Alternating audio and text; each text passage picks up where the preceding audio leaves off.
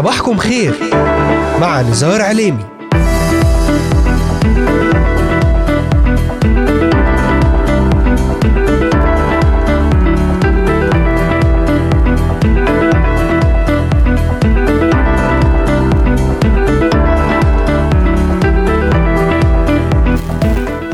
السابع من شهر ديسمبر للعام 2023 المستمعات والمستمعون صباح الخير.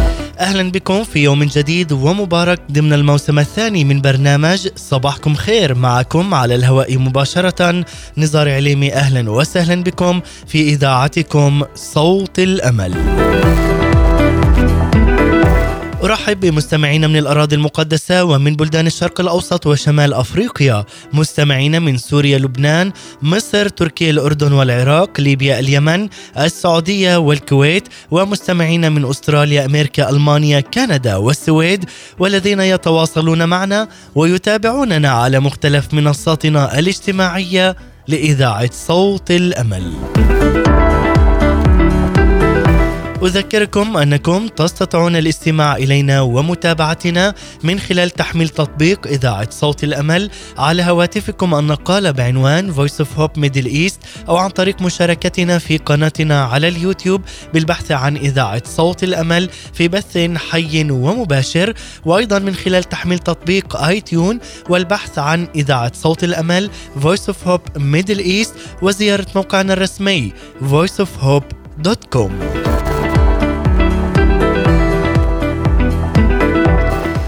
تابعونا ورافقونا على مدار هذه الساعة الصباحية ولأي سؤال أو استفسار تواصلوا معنا الآن. وللتنويه تستطيعون الاستماع إلينا والعودة إلى جميع حلقات برنامج صباحكم خير وذلك من خلال متابعتنا على محرك البحث إذاعة صوت الأمل في كل من تطبيقات أنغامي Spotify Deezer Amazon Music Apple Podcasts و Pocket Casts بودفاين بودكاست وستجدون جميع هذه الحلقات وغيرها من البرامج الخاصة لإذاعة صوت الأمل على هذه المنصات الاجتماعية المختلفة.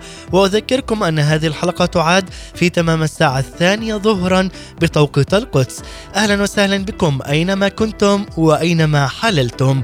هنا إذاعة صوت الأمل من الأراضي المقدسة.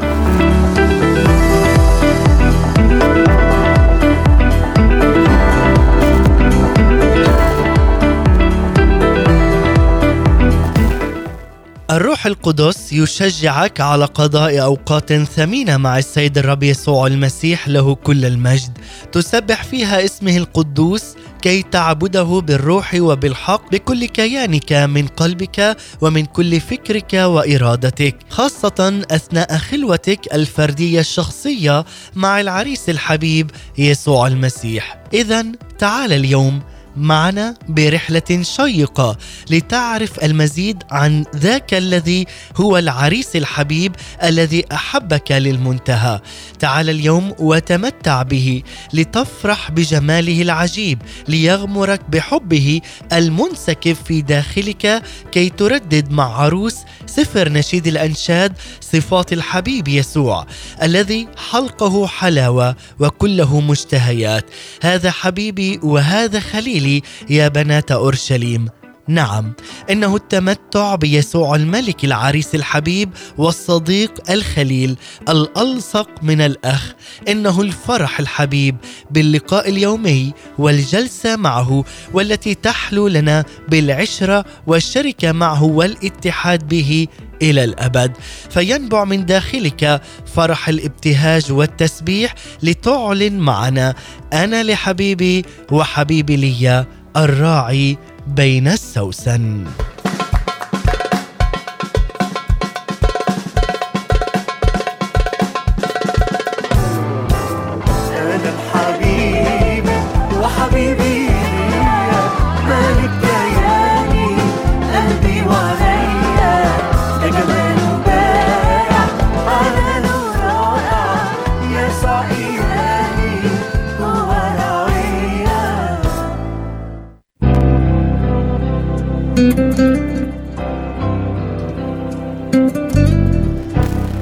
أهلا وسهلا بكم في الجزء السابع عشر من سلسلة أنا لحبيبي وحبيبي لي وسنركز اليوم في هذه السلسلة وخاصة في هذا الجزء حول عريس نشيد الأنشاد يسوع المسيح للكنيسة. أنت جميلة يا حبيبتي كترسى حسنة كأورشليم مرهبة كجيش بألوية. لذلك ترتكز رسالتنا في هذا اليوم على عدة ايات من الكتاب المقدس وخاصة من سفر نشيد الأنشاد الذي هو محور هذه الرسالة. وذلك من خلال هذه السلسلة بعنوان أنا لحبيبي وحبيبي لي وذلك بعد أن انطلقنا بأجزائها المتتالية وصولا إلى الجزء السادس عشر واختتمنا معا الإصحاح الخامس وتحدثنا به حول باقي صفات العريس يسوع المسيح عروس نشيد الأنشاد في وصفها للعريس يسوع قائلة طلعته كلبنان فتى كالأرز حلقه حلاوة وكله مشتهيات. أما اليوم في الجزء السابع عشر من سلسلة أنا لحبيبي وحبيبي لي العريس يرد أيضا على العروس. العروس هي الكنيسة والمؤمنين. لذلك ضمن هذه السلسلة سنبدأ معا في هذا اليوم في الجزء السابع عشر بالإصحاح السادس من سفر نشيد الأنشاد. لنتحدث أكثر حول عريس نشيد الأنشاد يسوع المسيح للكنيسة. أنت جميلة يا حبيبتي كترسى حسنة كأورشليم مرهبة كجيش بألوية. علما أحباء المستمعين أنه ولمن انضم إلينا الآن في الجزء السابع عشر. أشجعك عز المستمع لمتابعة الأجزاء الأولى كي تتعمق معنا خطوة بخطوة حول سفر نشيد الأنشاد كونه هو أحد الأسفار الشعرية القانونية في العهد القديم. كما أن هذا السفر قد واجه العديد من التحديات والهجومات الشرسة التي كانت موجهة ضد الكتاب المقدس بشكل عام. العام وضد صفر نشيد الأنشاد بشكل خاص لذلك أدعوك عز المستمع للتمتع معنا بهذه الرحلة الجميلة والتي ستأخذك في وقت سماوي روحي بمنظور جديد لحياتك الروحية لنتعمق وندرس معا سفر نشيد الأنشاد المكون من ثمانية إصحاحات في العهد القديم من الكتاب المقدس لكاتبها الملك سليمان الحكيم. كما وعودناكم سنكمل بالاستماع من خلال هذه السلسلة لبعض الآراء والأفكار المقدسة على الهواء مباشرة وذلك من مختلف بلدان الشرق الأوسط والأراضي المقدسة. بالإضافة أننا نشارككم في كل حلقة جديدة بإيضاحات روحية ضمن فقرة سؤال جواب مع خدام الرب المباركين الأخ عياد ظريف والدكتور فريد زكي. لذلك نتطرق معا لهذه المواضيع الهامة جدا من خلال برنامج صباحكم خير. معكم على الهواء مباشرة نزار عليمي. تابعونا وابقوا معنا على السمع وأرحب بكم في هذا الوقت بجميع الذين انضموا الآن إلينا. أهلا وسهلا بكم في إذاعتكم صوت الأمل.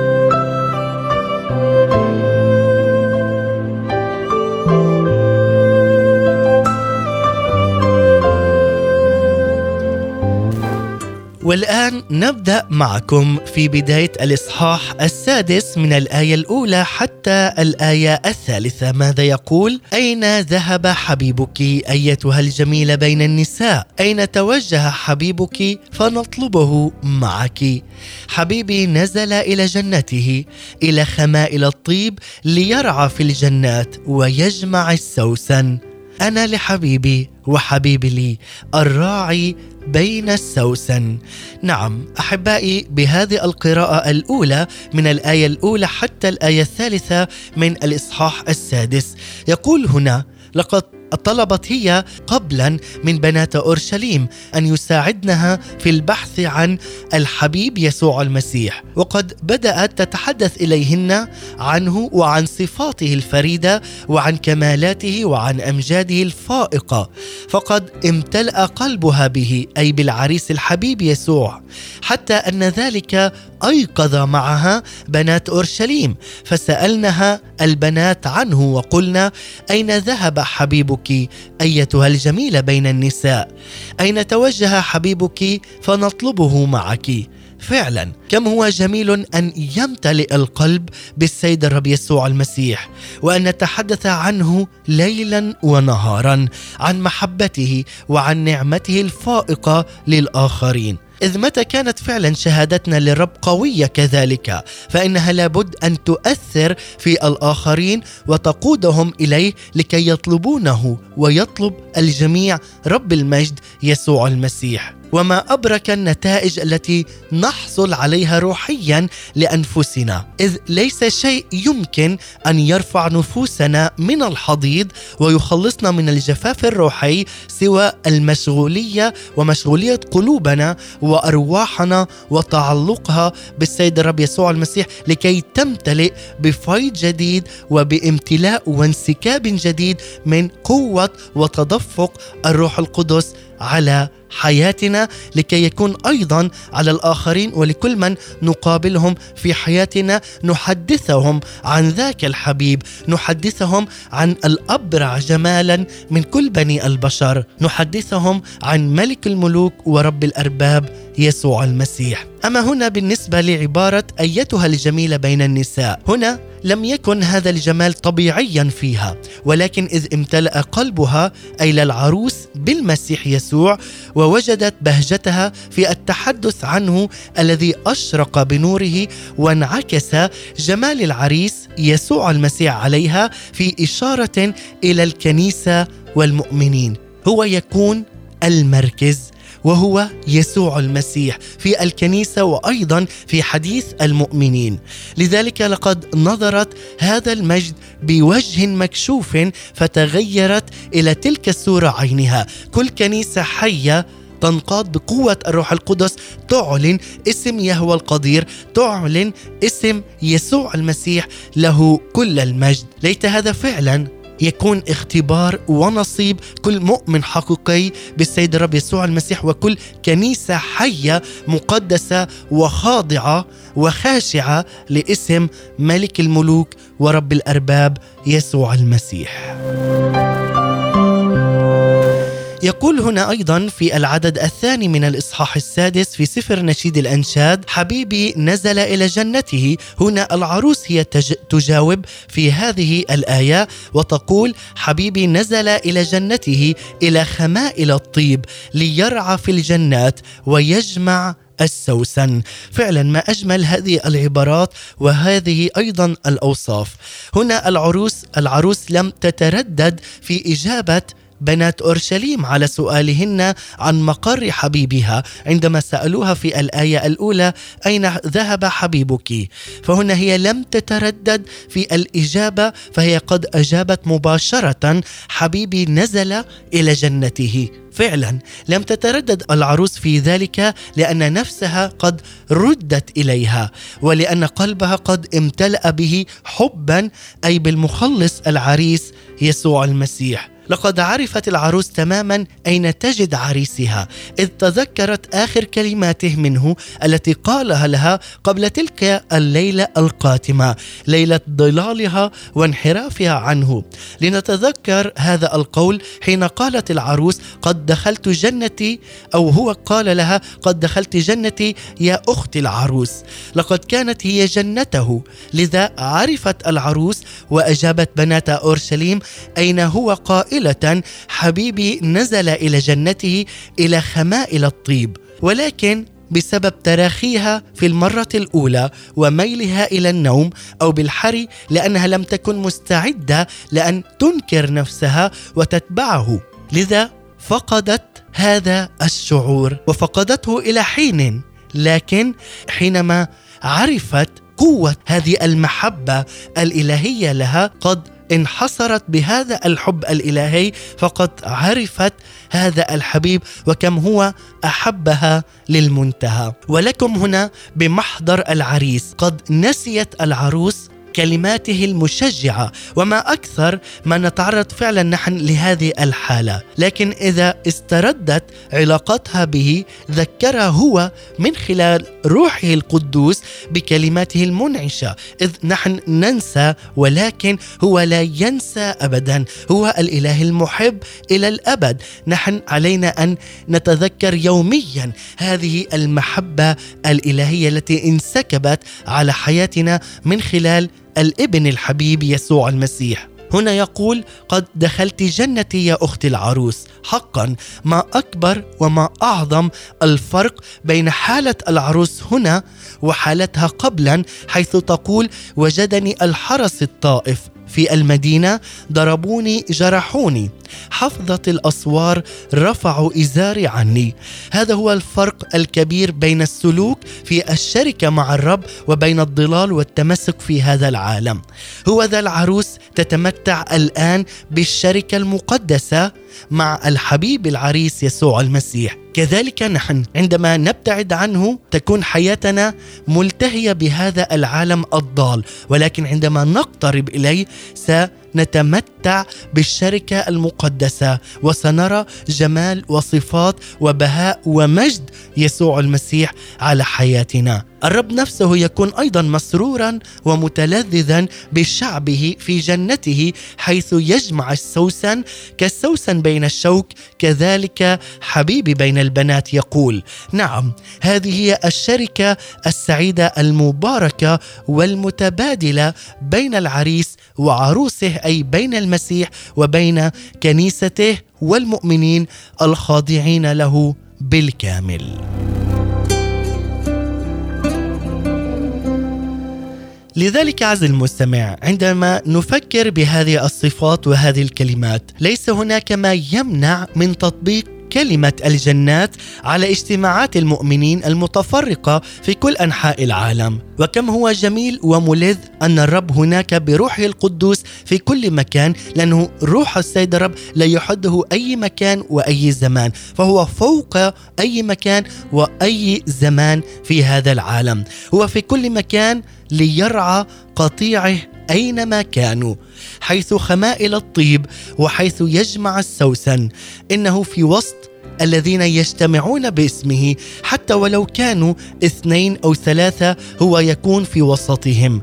هناك يظهر ذاته ويظهر مجده لهم ويشبعهم من مراعي كلمته الحية ويبهجهم ويعزيهم أيضا بروحه القدوس الماكث معهم والساكن في كل مؤمن حقيقي بالرب يسوع المسيح. لذلك تعود وتتحدث العروس قائلة أنا لحبيبي وحبيبي لي الراعي بين السوسن. نعود هنا بشكل سريع إلى الإصحاح الثاني من سفر نشيد الأنشاد لنوضح أكثر المفارقات هنا وكيف كانت العلاقة في السابق بين العريس والعروس.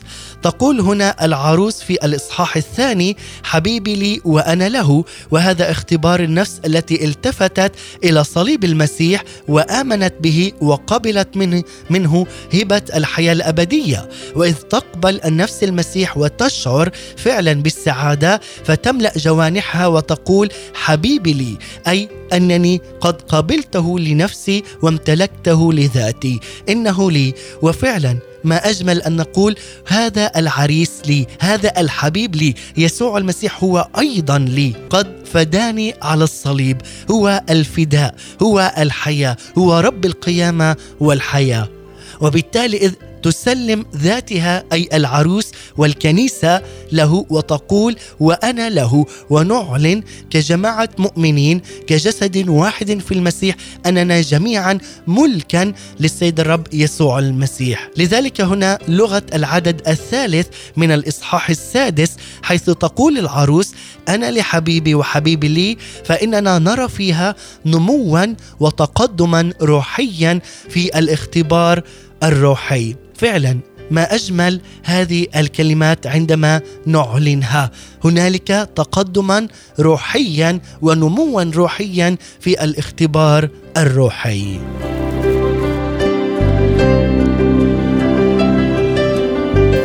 لذلك يقول إنها لغة نفس قد تخلت عن ذاتها وصار المسيح موضوع مشغوليتها وتفكيرها أيضا.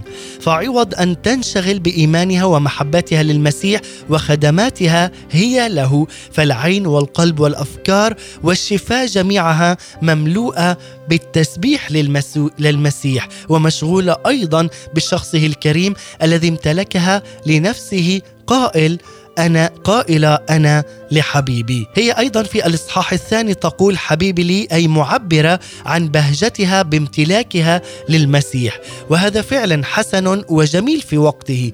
أما هنا في الإصحاح السادس ف تعبر عن فرحها بأن هي أصبحت ملك للمسيح أي أنا لحبيبي وحبيبي لي هي له وهو لها. هذا فعلا يكون أحسن وأجمل روحيا. فإن كان جميلا أن يكون لي يقين بغفران خطاياي وخلاصي ولكن مشغوليتي بمن غفر لي خطاياي وبمخلصي الذي امتلكني. لهي أفضل وأجمل بما لا يقاس من مشغوليتي بذاتي وبما حصلت عليه من المسيح من غفران كامل لخطاياي لكي أتمتع بالخلاص الأبدي بدءا من هنا على هذه الأرض من خلال عمل ومحبة وغفران وخلاص السيد الرب يسوع المسيح.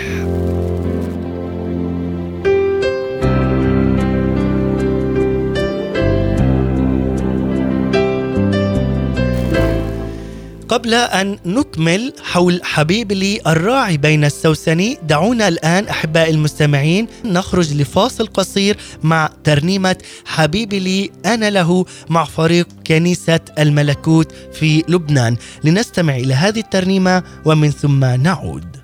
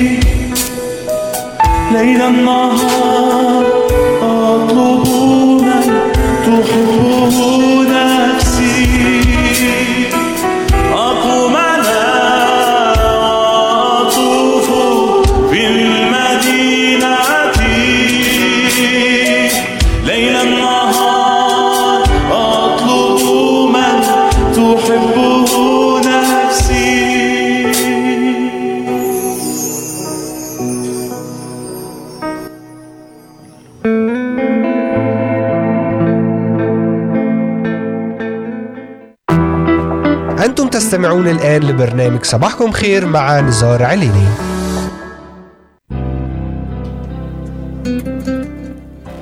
عودة من جديد لكم أحبائي المستمعين والمتابعين بعد أن استمعنا لهذه الترنيمة الرائعة حبيبي لي وأنا له مع فريق كنيسة الملكوت في لبنان. واليوم نكمل أحبائي المستمعين مع الجزء السابع عشر وقد وصلنا للإصحاح السادس من سفر نشيد الأنشاد ضمن سلسلة أنا لحبيبي وحبيبي لي. نسلط الضوء اليوم في هذا الجزء بالحديث أكثر حول عريس نشيد الأنشاد يسوع المسيح للكنيسة. قائلا أنت جميلة يا حبيبتي كترصة حسنة كأورشليم مرهبة كجيش بألوية. تحدثت قبل قليل أي قبل الفاصل من الآية الأولى حتى الآية الثالثة من الإصحاح السادس وتقول أيضا في نهاية الآية الثالثة تقول حبيبي لي الراعي بين السوسن ماذا يعني؟ هنا إن غارت قلبي وسعادتي وفرحي فيه وحده دون سوى نعم فإن يقيننا بأننا للمسيح وللمسيح فقط ولأنكم لستم لأنفسكم بل للمسيح للذي فدانا للذي خلصنا للذي أحبنا مات وقام لأجلنا. هو الذي يقودنا إلى تكريس كامل في حياتنا الروحية وفي كل كياننا له. فمجدوا الله في أجسادكم وفي أرواحكم التي هي لله. يسوع المسيح الذي مات لأجلنا فوق الصليب قد قام من بين الأموات. ومع أنه ارتفع إلى السماء وصار أعلى من جميع السماوات إلا أنه لا يتخلى عني وعنك. فهو عادل وأمين هو باق معنا إلى الأبد. لذلك يقول عنه الراعي بين السوسن الذي بنفسه يرعانا في الطريق إلى أن يدخلنا إلى المجد الأبدي كونه هو أيضا الراعي الصالح وهو الطريق والحق والحياة.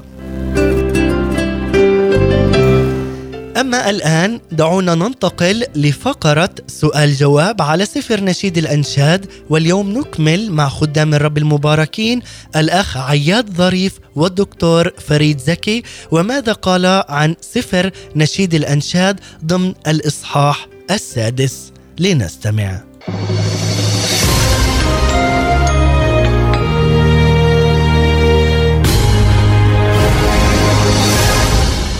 وصلنا في دراستنا في سفر نشيد الأنشاد أحد الأسفار الشعرية في العهد القديم الذي يصف لنا علاقة المحبة بين الرب وبين شعبه.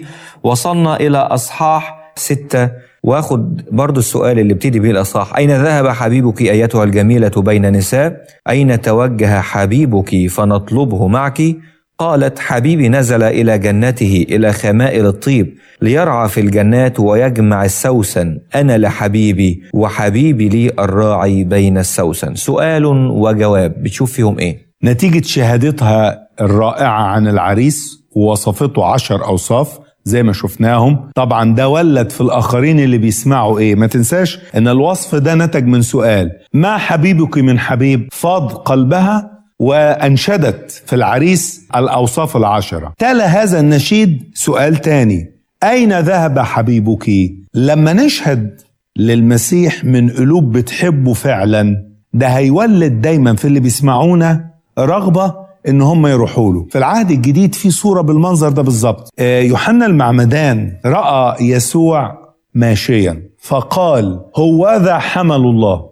فتبعه التلميذان لما سمعاه يتكلم. كان معاه تلميذين واقفين يوحنا المعمدان. مجرد ما سمعوا الكلام ده وطلع من القلب اتأثروا جدا.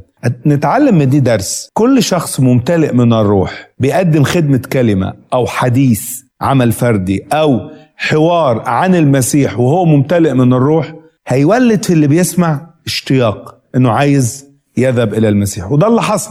إن التلميذين دول تبعاه يسوع وكانت النتيجة إن هم قضوا وقت مع الرب يسوع وصارا من تلاميذ الرب يسوع. اسمح لي أقرأ بعض الأعداد. بدأ العريس يصف العروس بدءا من عدد أربعة ويقول أنت جميلة يا حبيبتي كترسطة حسنة كأورشليم مرهبة كجيش بألوية. حول عني عينيك فإنهما قد غلبتاني. شعرك كقطيع المعز الرابط في جلعاد ما هي أوجه الشبه بين العروس وهذه التشبيهات؟ ترصى هي مدينة كانت في شمال فلسطين وكانت عاصمة لأسباط إسرائيل العشرة الشمالية قبل ما السامرة تكون هي العاصمة. وأورشليم معروفة في جنوب البلاد كانت عاصمة المملكة الجنوبية. كلمة ترصى معناها مسرة أو بهجة. يبدو أن المدينة دي كان موقعها الجغرافي حلو وكمان كانت مدينة فعلا يعني تجيب السرور للي يروح يعيش فيها. فبيقول لها أنت في جمالك عاملة زي هذه المدينة. طبعا كأورشليم لا دي أورشليم بقى دي مدينة الملك العظيم اللي واخدة شهرتها واللي الرب بيسكن فيها. فيها العرش وفيها الهيكل. بالظبط فأنت برضو فيك هذا الجمال بسبب سكن الرب فيك. مرهبة كجيش بألوية. يعني اتفرج هو على جيش والجيش ده مليان بالأعلام يعني صورة للنصرة فبيقول لها مش بس فيكي جمال لكن انت كمان مخيفة في دخولك للحروب وده يورينا المؤمنين الغالبين والأقوياء. طب أنا بس عايز أخذ تعليق على صفتين متناقضتين. أيوة. يعني هي جميلة وحسنة ولا مرهبة ومفزعة؟ يعني خلينا أقول المؤمنين هم في جمال ولا في آه، في خوف وفزع لشخص آخر؟ يعني بيرهبوا مين وبيعطفوا على مين؟ يعني بيحببوا في مين وبيفزعوا مين؟ عايز أخذ الصفتين دول في المؤمنين. المؤمنين في علاقتهم ببعض يقول البسوا أحشاء رأفات لطف تواضع وداع طول أنا في علاقتهم بغير المؤمنين يقول عنهم أحبوا أعداءكم. وباركوا لاعنيكم وإن جاع عدوك فاطعمه زي ما قلت أنت من شوية تعاليم مس المسيح الراقية جدا جدا. لكن أمام إبليس وحروبه يتقال عن بعض أبطال داوود وجوههم كوجوه الأسود. ويتقال عن أول قاضي في سفر القضاة اسمه عثني إيل. وكلمة عثني إيل يعني أسد الله. فالمؤمنين ما هماش ناس متراخين ضعفاء لا أقوياء. بس مش مع الناس. أقوياء قدام إبليس وفي حروبهم الروحية. يعني ينبغي أن المؤمنين مع بعض يتقال عنهم زي أورشليم وطرسة حسنة جميلة في لطف في وداعة. هو لكن مع أحسن الشر وما أجمل أن يسكن الإخوة تمام. مع الشر وال- والشيطان والخطية يكون عندنا جراءة الأسود مرهبة. ماذا لو تحول العكس؟ يعني المؤمنين مع بعض مرهبين لبعض مفزعين لبعض ومع الخطية مهادنين ومسالمين. يحصل إيه؟ تحصل إن الشهادة بتاعه الكنيسة تتعطل تماما. علاقات المؤمنين مع بعض هتتحول. قال كده بولس لكنيسة غلاطيا كلام كان مؤلم قوي. قال لهم فإذا كنتم تنهشون وتأكلون بعضكم بعضا فانظروا لئلا تفنوا بعضكم بعضا. عكسوا الأوضاع. في نفس الوقت طب أمام عداوة الجسد اللي فيهم يقول لهم للأسف الشديد أنتوا الجسد غالبكم مع إنه مفروض إن أنتوا اسلكوا بالروح فلا تكملوا شهوة الجسد.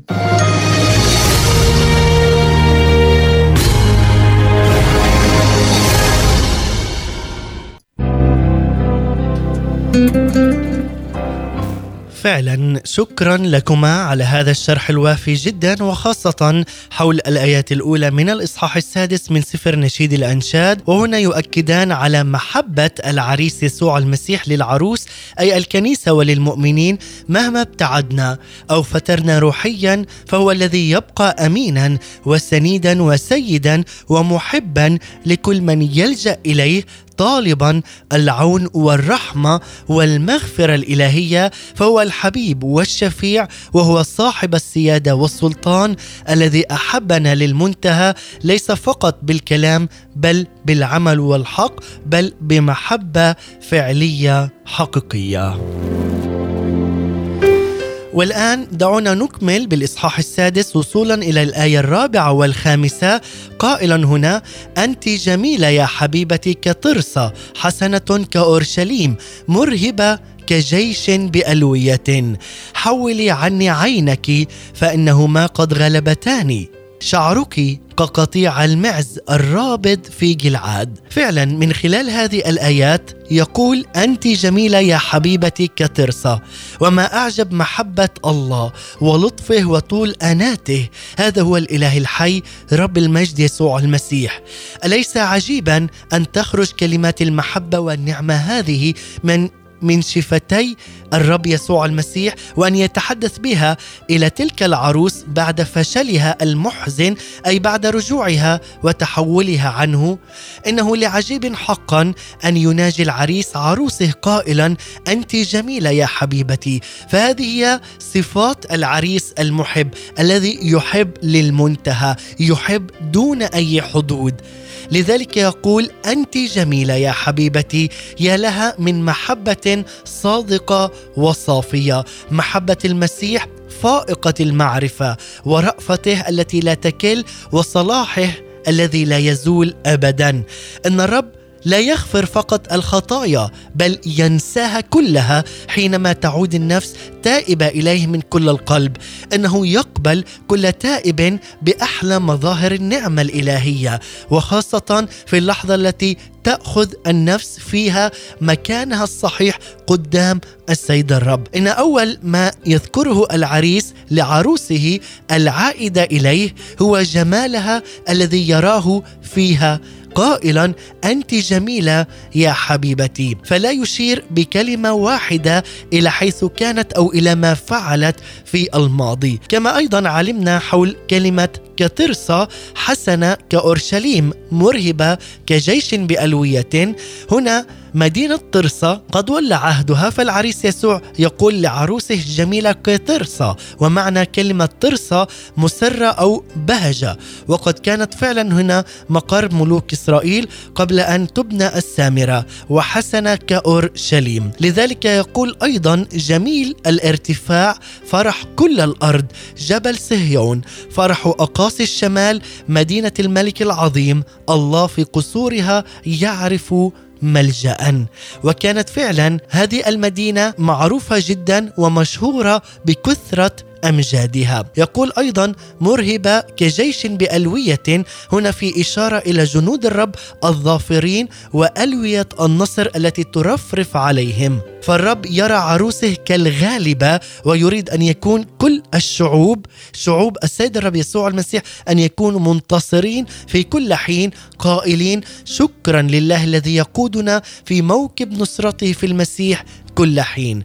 جدير بالذكر أحبائي أيضا بكل واحد منا نحن المؤمنين بالسيد الرب يسوع المسيح أن يفحص كل واحد فينا ذاته جيدا جيدا لكي يعرف ملذات هذا العالم الذي التي يجب أن ينتصر عليها. علما أن الكسل في الحياة الروحية هي من أشر الأعداء للمؤمن والروح القدس. يحذرنا منه. وإذ لم ننتصر بنعمة الله وبمعونته على كل هذه الأعداء الروحية فإنها ستغلبنا وتهزمنا في ميدان الحرب الروحية. لذلك من الواضح أن العريس يسوع يتحدث دائما عن جمال عروسه الكنيسة بالتفصيل عندما تكون في حالة النصرة الروحية وأنه لا يصفها بهذه الأوصاف الجميلة عندما تكون على فراشها أو حتى في حالة الراحة والتراخي أي عندما تكون بعيدة عنه وعن إعلان حق اسمه. كما نرى هذا عندما خاطب الرب الكنائس السبع في سفر الرؤيا يعلن عن وجوب الغلبة والانتصار كشرط أساسي للتمتع بالبركة وبرضاه من يغلب. يقول هنا حولي عني عينيك فإنهما قد غلبتاني حولي عني عينيك ما أعجب هذا أيضا. حقا لا يستطيع أن يدركه الإنسان الطبيعي ولا حتى الملائكة أنها تشتهي أن تنظر إليه. ولكي نفهم أكثر علينا أن نعرف رب المجد يسوع المسيح نفسه اولا. وأن تكون هنالك علاقة وشركة حية ويومية معه.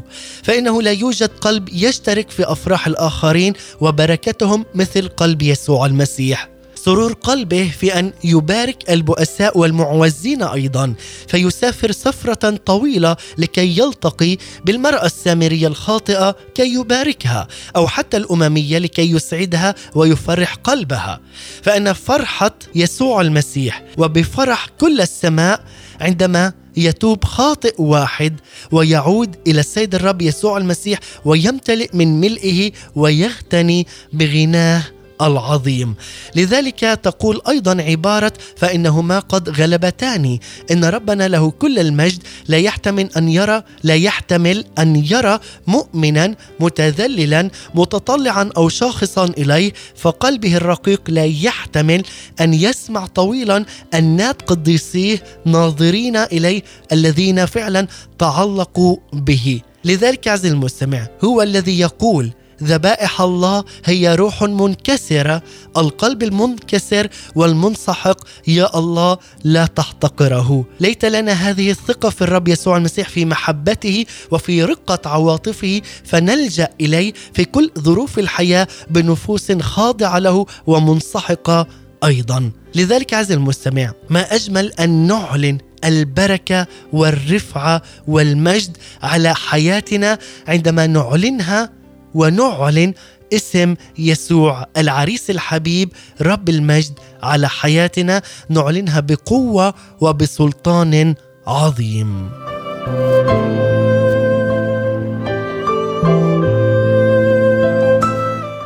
قبل أن نختتم بالآيتين السادسة والسابعة دعونا الآن ننتقل إلى فقرة جدا رائعة.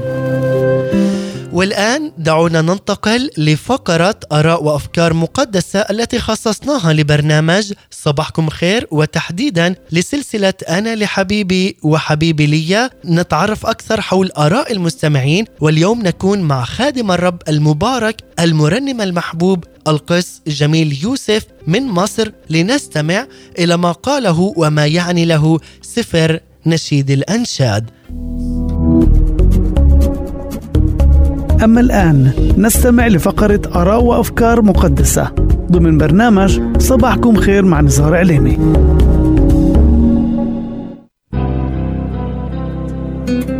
معاكم القس المرنم جميل يوسف من كاليفورنيا. أنا مصري الجنسية لكن عايش في أمريكا. حابب أتشارك معاكم بجزء صغير جدا من سفر نشيد الأنشاد وأصحاح ستة. وإذ طبعا عايز أقول لكم يعوزنا الوقت الكثير عشان نتكلم. في بس مجرد آيات مش أصحاحات. ما بالكم بالأصحاحات لكن بصلي رب يدينا نعمة ويفتح ذهننا على شيء بسيط النهاردة. عايز أتأمل معاكم في عدد رقم ثلاثة من نشيد الأنشاد ستة وآية رقم ثلاثة يقول الكتاب أنا لحبيبي وحبيبي ليا. الراعي بين السوسن.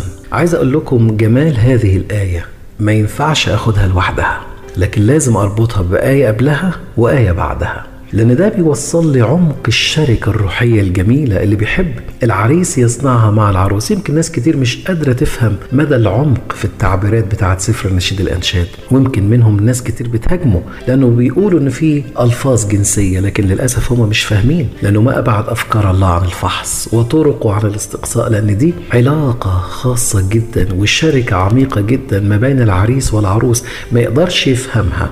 إلا اللي اختبرها. وأنا عايز أقول لكم الاختبار ابتدى مع عروس النشيد. لو نرجع بس حاجة بسيطة كده لورا نرجع في سفر النشيد الأنشاد اتنين وآية جميلة جدا آية رقم 16 نلاقي إن الموضوع والعلاقة الحقيقية بتبتدي دايما مع الرب. من الرب البداية بتكون منه. في عدد 16 يقول الكتاب حبيبي لي وأنا له الراعي بين السوسن. خدوا بالكم لأن نفس التعبير اتكرر مع تغيير بسيط. في أصحاح اتنين بتقول حبيبي ليا وأنا ليه. هو اللي ابتدى معايا المشوار وهو اللي ابتدى معايا السكة وغمرني بنعمته ودور عليا وجابني. حبيبي حبيبي ده بتاعي أنا. بس ابتدت بيه لأن هو اللي ابتدى السكة. في أصحاح ستة بتعكس بتقول أنا لحبيبي. المرة دي لما دقته وعرفت حلاوة العشرة معاه. وعرفت قد إيه هو حلو واسمه دهن مهراق وإن هو قالت بصراحة خليني أقول لكم اختباري. أنا المرة دي اللي عايز أقول لكم أنا اللي لازم أرد الجميل وأقول أنا لحبيبي. أنا قررت إن أكون ليه. أنا قررت إن أكون ملكه. أنا قررت إن كل ما فيا زي ما طلب مني زمان يا ابني أعطيني قلبك. ولتلاحظ عيناك طرقي أنا خدت هذا القرار. وقررت النهارده إن أنا كلي بجملتي هكون ملكه بتاعته ومحدش يأسرني ولا يمتلكني غيره. تيجي تكمل عشان تكمل الصورة الجميلة والصورة الرائعة في أصحاح سبعة بسرعة في آية رقم عشرة وتقول أنا لحبيبي وإلي اشتياقه. خدوا بالكم ابتدت حبيبي ليا وأنا ليه.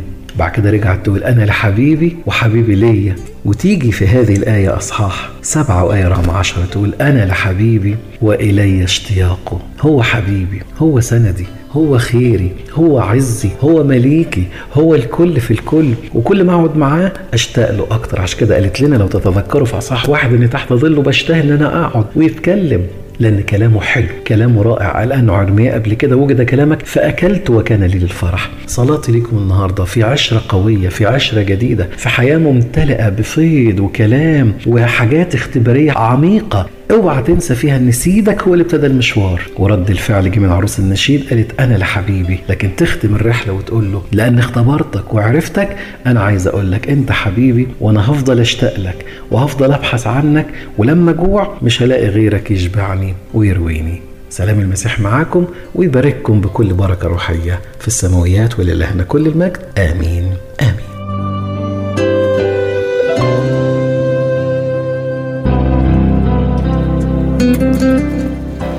فعلا أسيس جميل ربي يباركك على هذه الكلمات الرائعة والمشجعة المعزية لنا ومشاركتك معنا ضمن سلسلة أنا لحبيبي وحبيبي لي.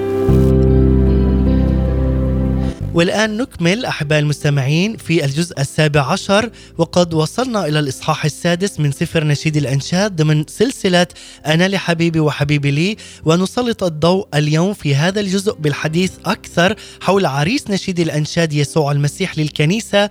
أنت جميلة يا حبيبتي كطرسة حسنة كأورشليم مرهبة كجيش بألوية. الآن أحبائي نختتم بالآيتين السادسة والسابعة من نفس الإصحاح.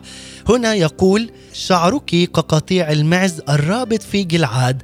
هنا أيضا أختتم بالكلمات التي جاءت في الآية الخامسة في نهاية الآية الخامسة وأيضا في الآية السادسة تقول أسنانك كقطيع نعاج صادرة من الغسل اللواتي كل واحدة مؤتم وليس فيها عقيم. والعدد السابع يقول كفلقة رمانة خدك تحت نقابك. عزيزي المستمع إذ لاحظت قد دمجت هنا نهاية الآية الخامسة مع بداية الآية السادسة قائلا شعرك كقطيع المعز الرابط في جلعاد. لقد وردت كل هذه التعبيرات مرة في الإصحاح الرابع من سفر نشيد الأنشاد وأنا أشجعك عزيزي المستمع للعودة إلى هذه الحلقات ضمن سلسلة أنا لحبيبي وحبيبي لي على منصة سبوتيفاي بالبحث عن برنامج صباحكم خير أو إذاعة صوت الأمل. سترى أيضا هنا شرحا وافيا وغنيا حول هذه الآيات التي ذكرتها الآن وها هي تتكرر هنا مرة أخرى في الإصحاح السادس. ونحن نعلم أن الروح القدس لا يكرر الأقوال عبثا.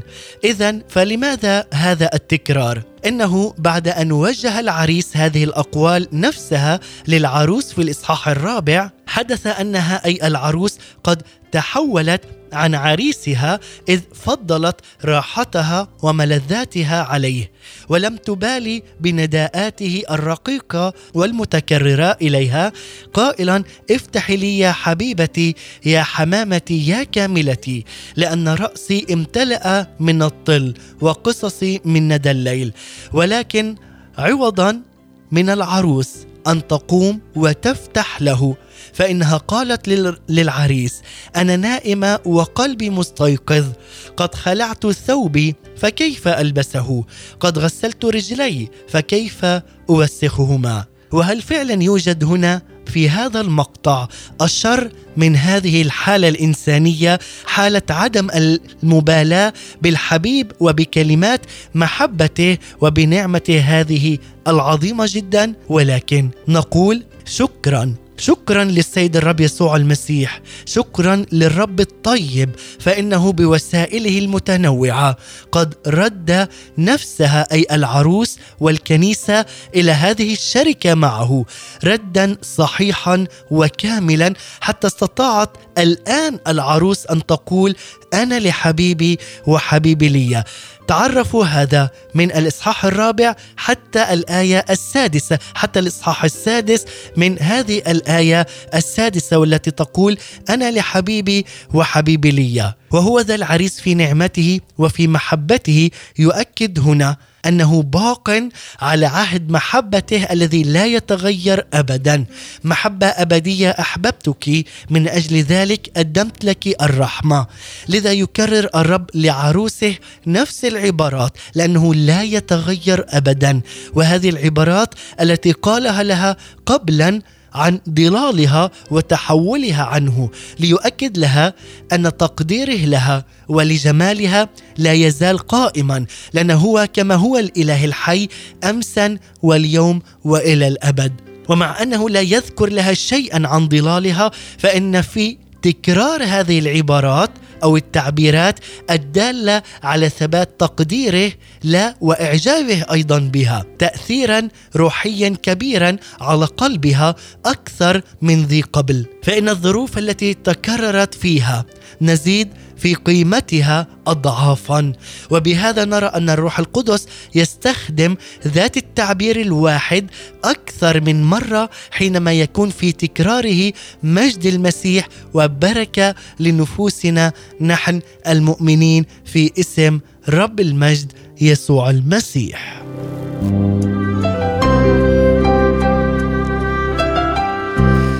وأختتم معكم بهذه الكلمات. هب يا روح الله من الرياح الأربع ولتأتي علينا بالحياة في هذه الأيام. يا رب نحبك ونحتاجك جدا. نحتاجك لأجل تحقيق أحلامك فينا. نحتاجك لأجل كل رؤية وضعتها في داخلنا لتحيينا. من يا رب يحيي العظام اليابسه غيرك؟ من يشعلنا إلا أنت؟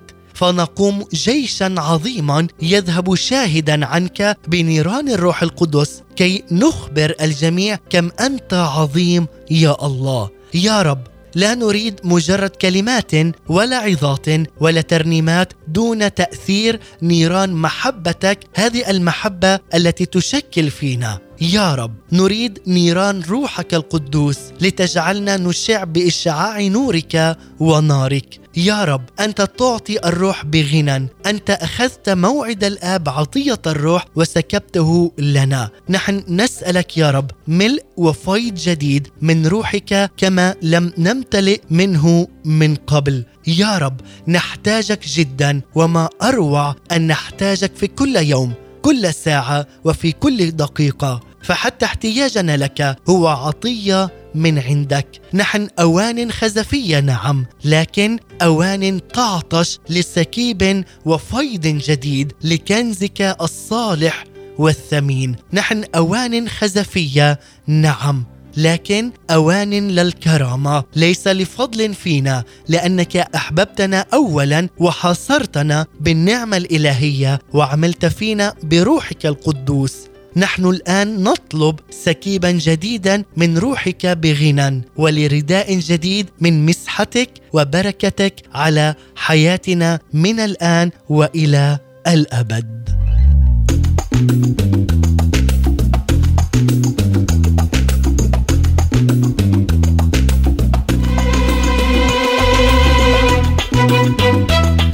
ومع هذه الكلمات احباء المستمعين والمتابعين ومع ترنيمة اسكب سكيب الروح مع المرنمين فيليب ويسا ومنال واصف نختتم بها بهذه الحلقة.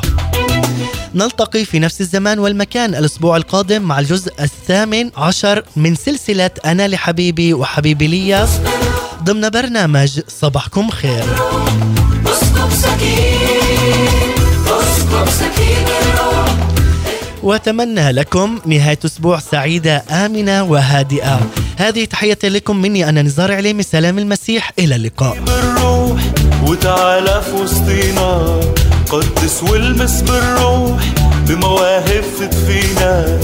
اسكب ساكي بالروح وتعالى في وسطينا قدس والمس بالروح بمواهب تدفينا من مجد المجد تاخدنا بسحاب المجد تقودنا. ليك وحدك كل سكوتنا يا مالك الملوك من مجد المجد تاخدنا بسحاب المجد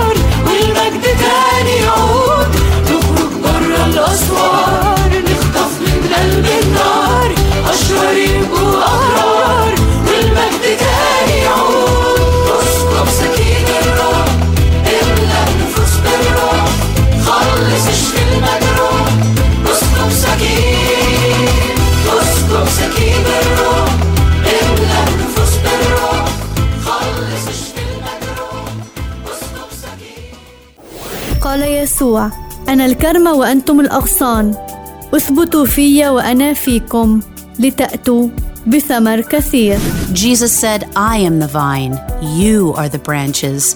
If you remain in me and I in you, you will bear much fruit. إذاعة صوت الأمل The Voice of Hope